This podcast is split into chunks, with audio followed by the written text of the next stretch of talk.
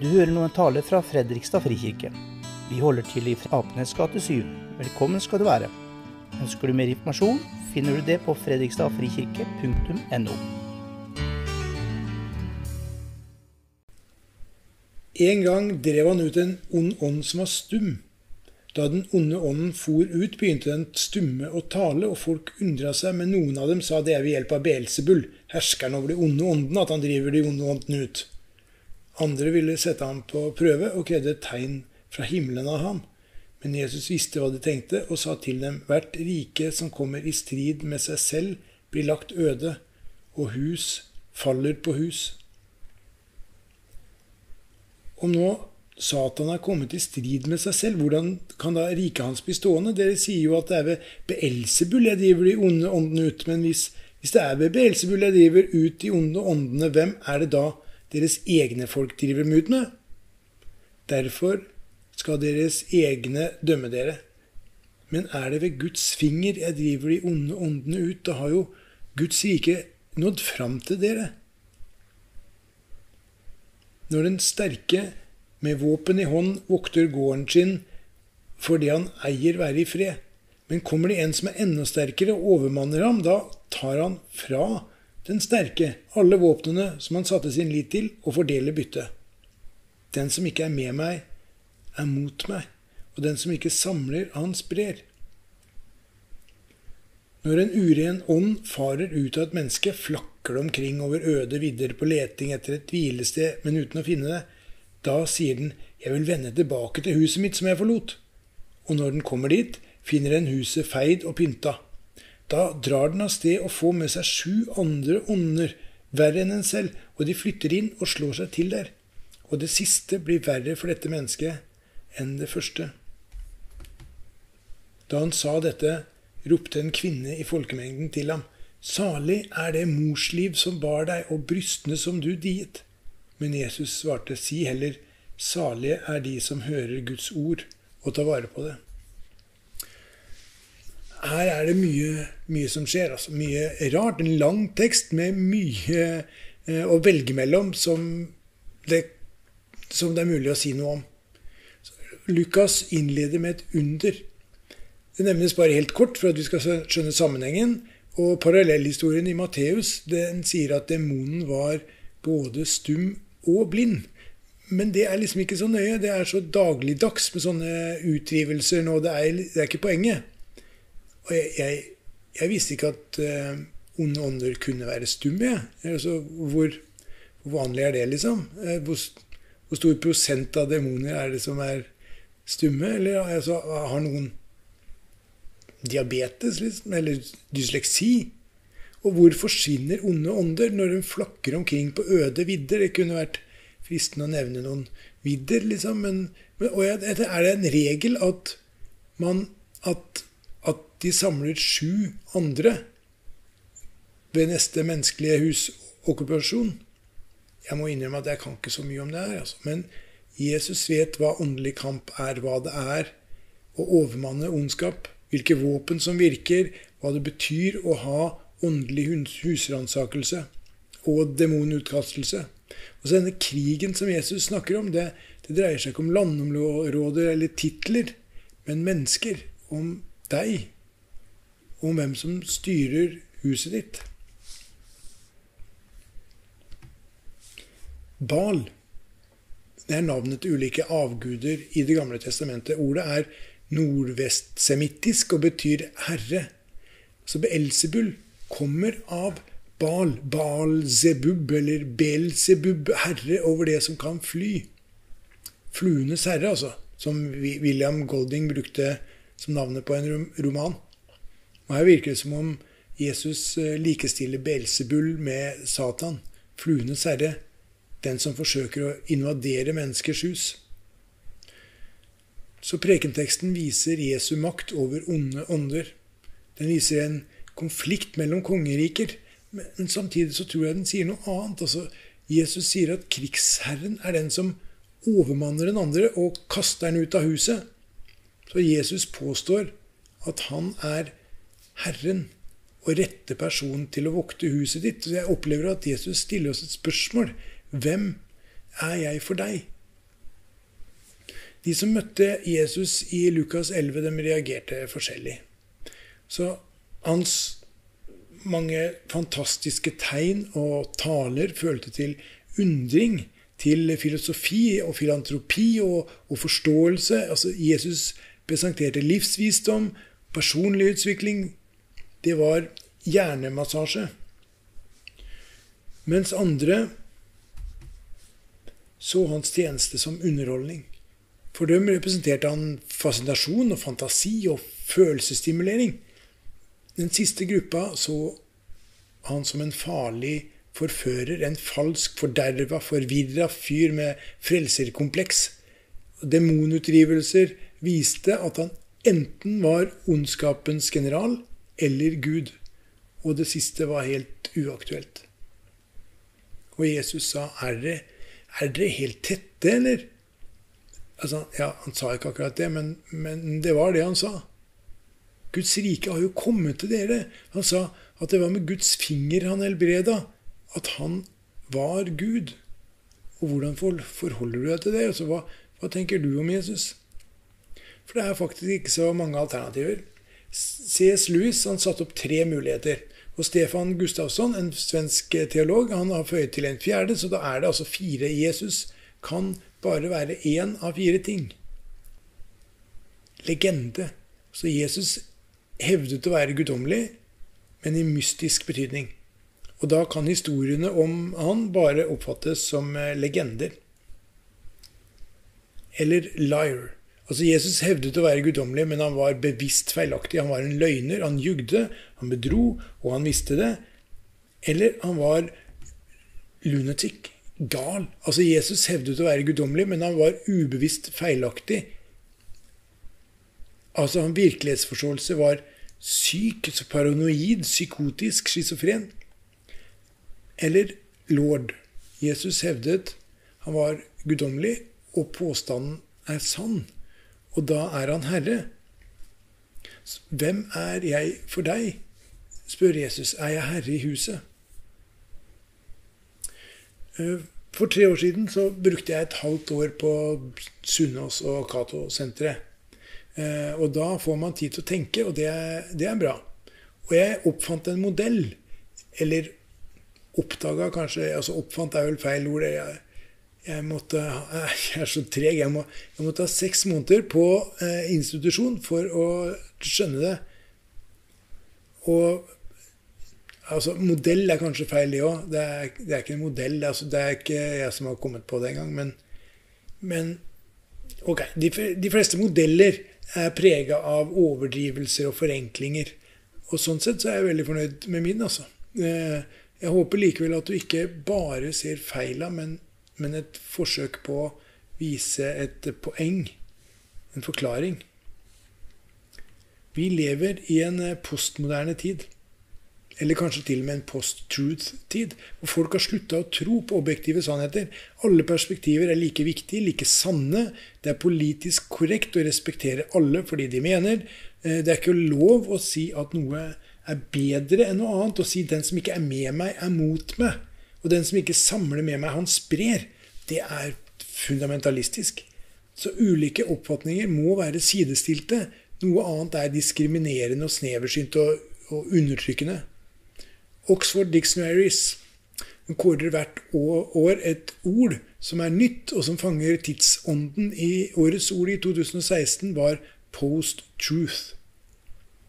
Og litt firkanta sagt om et post-truth-menneske, så om fakta ikke stemmer overens med mine følelser, mine prioriteringer og det jeg foretrekker, så tilpasser jeg. Jeg velger bort. Jeg ljuger kanskje litt, eller i hvert fall endrer forutsetningene for at mine følelser skal gjelde og få gjennomslag for mine prioriteringer. Det er nesten sånn at forvirring er en dyd, og klarhet er en synd. For er du forvirra og søkende i mange spørsmål, da er du progressiv. Så det er ingen referanser, ingen sannhet, sikkerhet. Altså alt flyter, og det liker vi. Vi føler oss fri, men vi mangler stabilitet. Vi kan definere oss sjøl på alle måter. Vi kan være den vi ønsker, men vi vet ikke hvem vi er. Og når ingenting er grunnleggende sant, så forsvinner grunnlaget også for mening og moral og menneskeverd. Så hvert rike som kommer i strid med seg selv, blir lagt øde, og hus faller på hus, sier Jesus. Altså en, en postmodernist han vil si jeg skjønner at kristendom er det rette for deg, og jeg er glad for at du har funnet din tro, men jeg må finne det som er rett for meg. Altså Min søking er om kristendom er sann for meg. Om mennesket sjøl skal definere sin virkelighet og sin tro og sitt livssyn, da blir det mange veier som fører til Gud. Og det oppleves selvfølgelig og riktig. Det gjør selvutvikling, selvaktelse, eh, selvtilfredshet helt sentralt. Det er, er selvsentrert selvrealisering.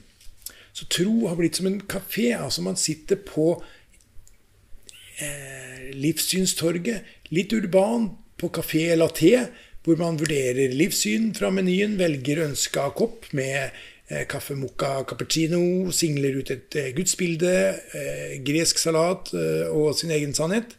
Og, faren er at kristne preges av et verdensbilde som ødelegger kristen tro, egentlig. For dette her, dette, dette her gir ikke fred og hvile, tro, trygghet. Det gir ikke samvær med Gud. Så vi ender opp med å ha Jesus i livet men bare som en del av livet. Han tilpasses oss. Vi tror at vi kan være herre i eget hus. Vi får en liten Gud og et stort ego. Vi nærmer oss Gud Oss Gud sånn som jeg nærma meg en jente fra Rømskauen da jeg var ung. Som om vi var jevnbyrdige. Liksom. Som om jeg kan vurdere fordeler og ulemper med å invitere Gud inn i livet. Komme til en felles gjensidig forståelse for hva vi kan ha sammen, det, det går ikke bra, altså. Som jeg tror at jeg har noe som helst å komme med. For jeg, jeg har jo ikke det. For så sier Han, som er høy og opphøyd, Han som troner evig, den hellige er Hans navn. I det høye og hellige bor jeg. For Gud er hellig, allmektig, eh, opphøyd ble du sittende og tenke på hun jenta fra Rømskauen? Det, altså eh, Det var bare at da jeg var ung, eh, så var det en veldig pen jente fra Rømskog. Det var sikkert flere pene jenter i, i Rømskog da. Og, da. Og, og, det har sikkert vært mange pene jenter i Rømskog etterpå også. Og det, eh, og det, og det er jo ikke utseendet som er viktig. Nå roter jeg meg ut i noe som jeg ikke det her kommer jeg ikke ut av, altså. Eh, men eh, Ok, da jeg var ung, så var det en veldig pen jente i, Rømskog, i hvert fall. da. Eh, og selv om Rømskog er midt i en stor skog, så var hun kjent langt utover Rømskauen. Og jeg fikk en avtale Altså en date, ville vi sagt i dag, ja, men det var før engelsk hadde nådd eh, Indre Østfold. Så jeg lånte pappas Audi 100, som selv den gangen var en eh, eldre bil. Men, men den hadde den berømte femsylindra turbomotoren som ga imponerende akselerasjon og spenstig motorlyd. Altså to ting som alle vet er helt avgjørende for å imponere det motsatte kjønn. Så det var Og det var tre kvarter å kjøre jeg var spent. Jeg satt og tenkte gjennom hva jeg, hva jeg, kunne si, og hva hun sikkert ville svare. Og hvordan jeg ville være en morsom og smart og sjarmerende fyr. Altså hvordan hun, hun, kom til å si liksom, å, å, du er så morsom, Per Morten. Eh, endelig møter jeg en som deg, Per Morten. Det skulle hun si. Og så skulle hun legge hånda si oppå min eh, og smile beundrende til meg fra langt der inne i hjertet sitt. Så jeg stoppa på utsida av huset hennes, og idet jeg ser og går mot bilen, så skjønte jeg at dette kommer ikke til å gå bra. Altså alt forsvant fra huet. Altså Hjernen ble blank. Alt rant ut og ble liggende som en sånn oljedam under bilen. Og da hun satte seg inn, så var det ikke en fornuftig tanke igjen. Altså Jeg var ikke lenger i, i i bilen. Det var bare kroppen min som satt der. Hele, hele altså Hennes nærvær fylte hele kupeen, og jeg var bare sånn ingenting. Og dette var altså Rømskog. Vi måtte kjøre eh, omtrent en time for å komme til en fin restaurant. 60 minutter. 3600 sekunder. Og jeg var Jeg var målløs. Så hundre tanker spratt rundt som sånne biljardkuler inni hjernen. Og det var helt tilfeldig så hvilke som traff ballkurvene og liksom fant veien ut av munnen. Og vi, vi bestilte forrett i stillhet og hovedrett. Merkelig nok så ville hun ikke ha dessert. altså en, en times kjøring til restauranten, halvannen times måltid eh, og én time kjøring tilbake. Tre og en halv time med klønete hjelpeløshet, knusende pinlighet og hjerteskjærende desperasjon. Tre og en halv time med jernteppe. Et av mine absolutt antiklimaks. Og åssen kom jeg Åssen kommer jeg videre nå? Eh, eh, Gud, er, Gud er hellig. Så ingen har sett Gud. Moses fikk se Gud bakfra, for et menneske kan ikke se Gud og leve. Jesaja så i et syn Guds trone, og det var serafer, altså engler med seks vinger, som, som dekka ansiktet og ropte 'Hellig, hellig, hellig er Herren Sebaut'. Og Jesaja skjønte at, at, han var ferdig. Altså han kom til å dø, for han hadde sett Gud. Og Johannes han hadde vært disippel sammen med Jesus dag og natt. Han ble kjent som disippelen Jesus elska, med et tett og varmt og personlig forhold til Jesus. Og som gammel så får Johannes en åpenbaring hvor han får møte Jesus igjen. Endelig. Og han faller som død ned for ham i ærefrykt. Han er livredd, han er målløs. Gud sier 'Jeg er'. Jeg er alfa og omega. Jeg er først og sist, hellig, allmektig, opphøyd, evig. I det høye og hellige bor jeg. Men bibelverset fortsetter. Og hos den som er knust og nedbøyd i ånden. Gud er hos de små, de utstøtte de ydmyke, ydmyke, de med arr og sår og skavanker, dem som, dem som er alminnelige, dem som ikke får til. Han er hos den som er nedbøyd og bøyd ned. Kom til meg, sier Jesus. Og hvem, hvem, hvem da? Altså dere som, dere som strever, har tungt å bære, og jeg vil gi dere hvile. I det høye og hellige bor jeg, og hos den som er knust. Det oppdaga jeg på Sunnaas i sjukesenga. Når jeg ikke hadde noe å komme med, så var Gud der. Og jeg tenker, du har heller ikke noe å komme med. Så Gud, Gud trenger ikke deg, men han velger deg. Så kristendom er ikke å ha Jesus i livet, det er å gi livet til Jesus. Det er ikke å være herre i eget hus. Det er å ha en herre i huset, og det er det Jesus spør deg. Hvem er jeg for deg? Så vårt evangelium er Guds vei til mennesket, ikke vår vei til Han. Og det her er ikke så lett som det høres ut. At Gud bor i det høye og hellige og hos den som er bøyd. For det er, det er, det er et krav hjem til det her, eller en hemmelighet, en, en, skatt som det kreves graving for å finne. I hvert fall så var det sånn for meg. Det er sikkert fordi jeg er så treg, altså, men du, altså, du må nemlig bøye kneet. Gud er hos dem som er bøyd ned, det er trøst og oppmuntring, trygghet, lindring og nåde. Men Gud er hos dem som bøyer kne.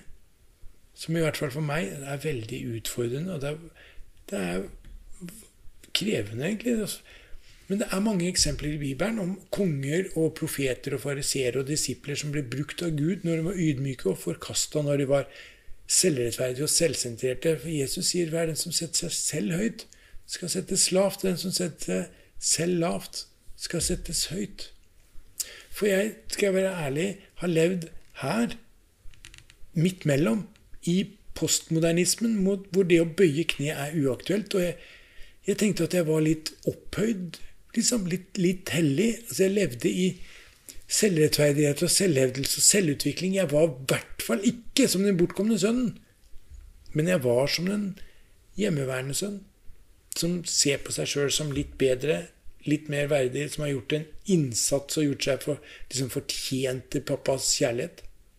Jeg er mer opptatt av å oppnå komfort enn å bygge karakter. Jeg er mer opptatt av å ha det bra enn å gjøre det Jesus vil. Jeg er mer opptatt av å nyte enn å yte. Og hvor i Bibelen så finner du sånne komfortkristne? Da jeg var hjelpeløs og merka at jeg ikke kunne noe, da merka jeg min avhengighet til Gud. Da jeg ble hjulpet på do og dusja og kledd på og mata og rulla rundt i rullestol, da forsto jeg at jeg er like avhengig av Gud. Og, og, og det å være kjent av Han, det er, det er mitt eneste håp.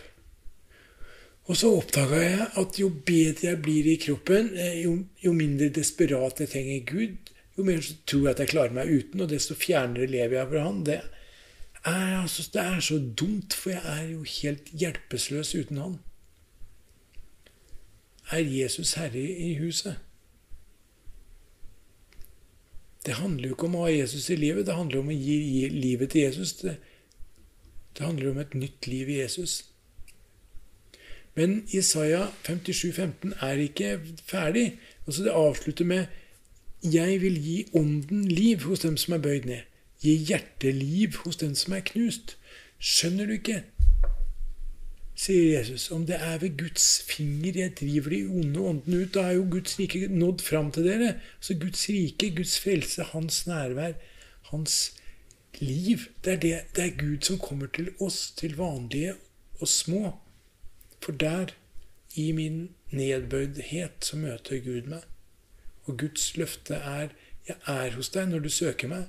Altså Gud selv, den hellige og evige Gud, han sier 'Jeg vil gi ånden liv hos deg som er bøyd ned'. 'Jeg vil gi hjertet liv hos deg som er knust'. Og det er oppmuntrende. Og det er min sjanse. For Gud står de stolte imot, men de ydmyke gir han nåde. Så ydmyk dere da under Guds mektige hånd, så han kan opphøye dere når, når tiden kommer. Etter livet så skal vi møte Gud. Og kanskje du tenker at du da har, at du har noe å komme med. At du tror du skal sette deg ned med Gud, bestille forrett eh, og hovedrett, og ta en prat om Noah og landeplagene i Egypt. Men Gud er hellig. Du vil bare du vil bare måpe. Du vil ikke klare å si noe. Overvelda og målløs sammen med Moses og Jesaja og Johannes, så vil du bare legge deg ned i tilbedelse. Så hvem er jeg for deg? spør Jesus. Ser du han som en legende, løgner, lunatic eller lord? Er du en av dem som hører Guds ord og holder det? Da er du salig. Så Jesus spurte disiplene, 'Hvem sier folk at jeg er?' Og, og dere, hvem sier dere at jeg er? Og Han spurte ikke fordi han trengte bekreftelse, men fordi disiplene trengte bevisstgjøring. Og det er det han spør fortsatt. Hvem, hvem sier du at jeg er? Hvem bestemmer i, i din husholdning? Altså Det virker som det er enten-eller med Jesus. Den som ikke er med meg, er mot meg. Den som ikke samler med meg, han sprer. Så er jeg herre i huset. Og ta deg god tid til å svare, for for det du svarer, kommer til å få konsekvenser. Om han er herre, så betyr det at du må bøye kne. Det betyr også at du har Gud hos deg, og som er sammen med deg. Han har lovt å være der når du er bøyd ned. Han som er sterk nok til å reise deg opp.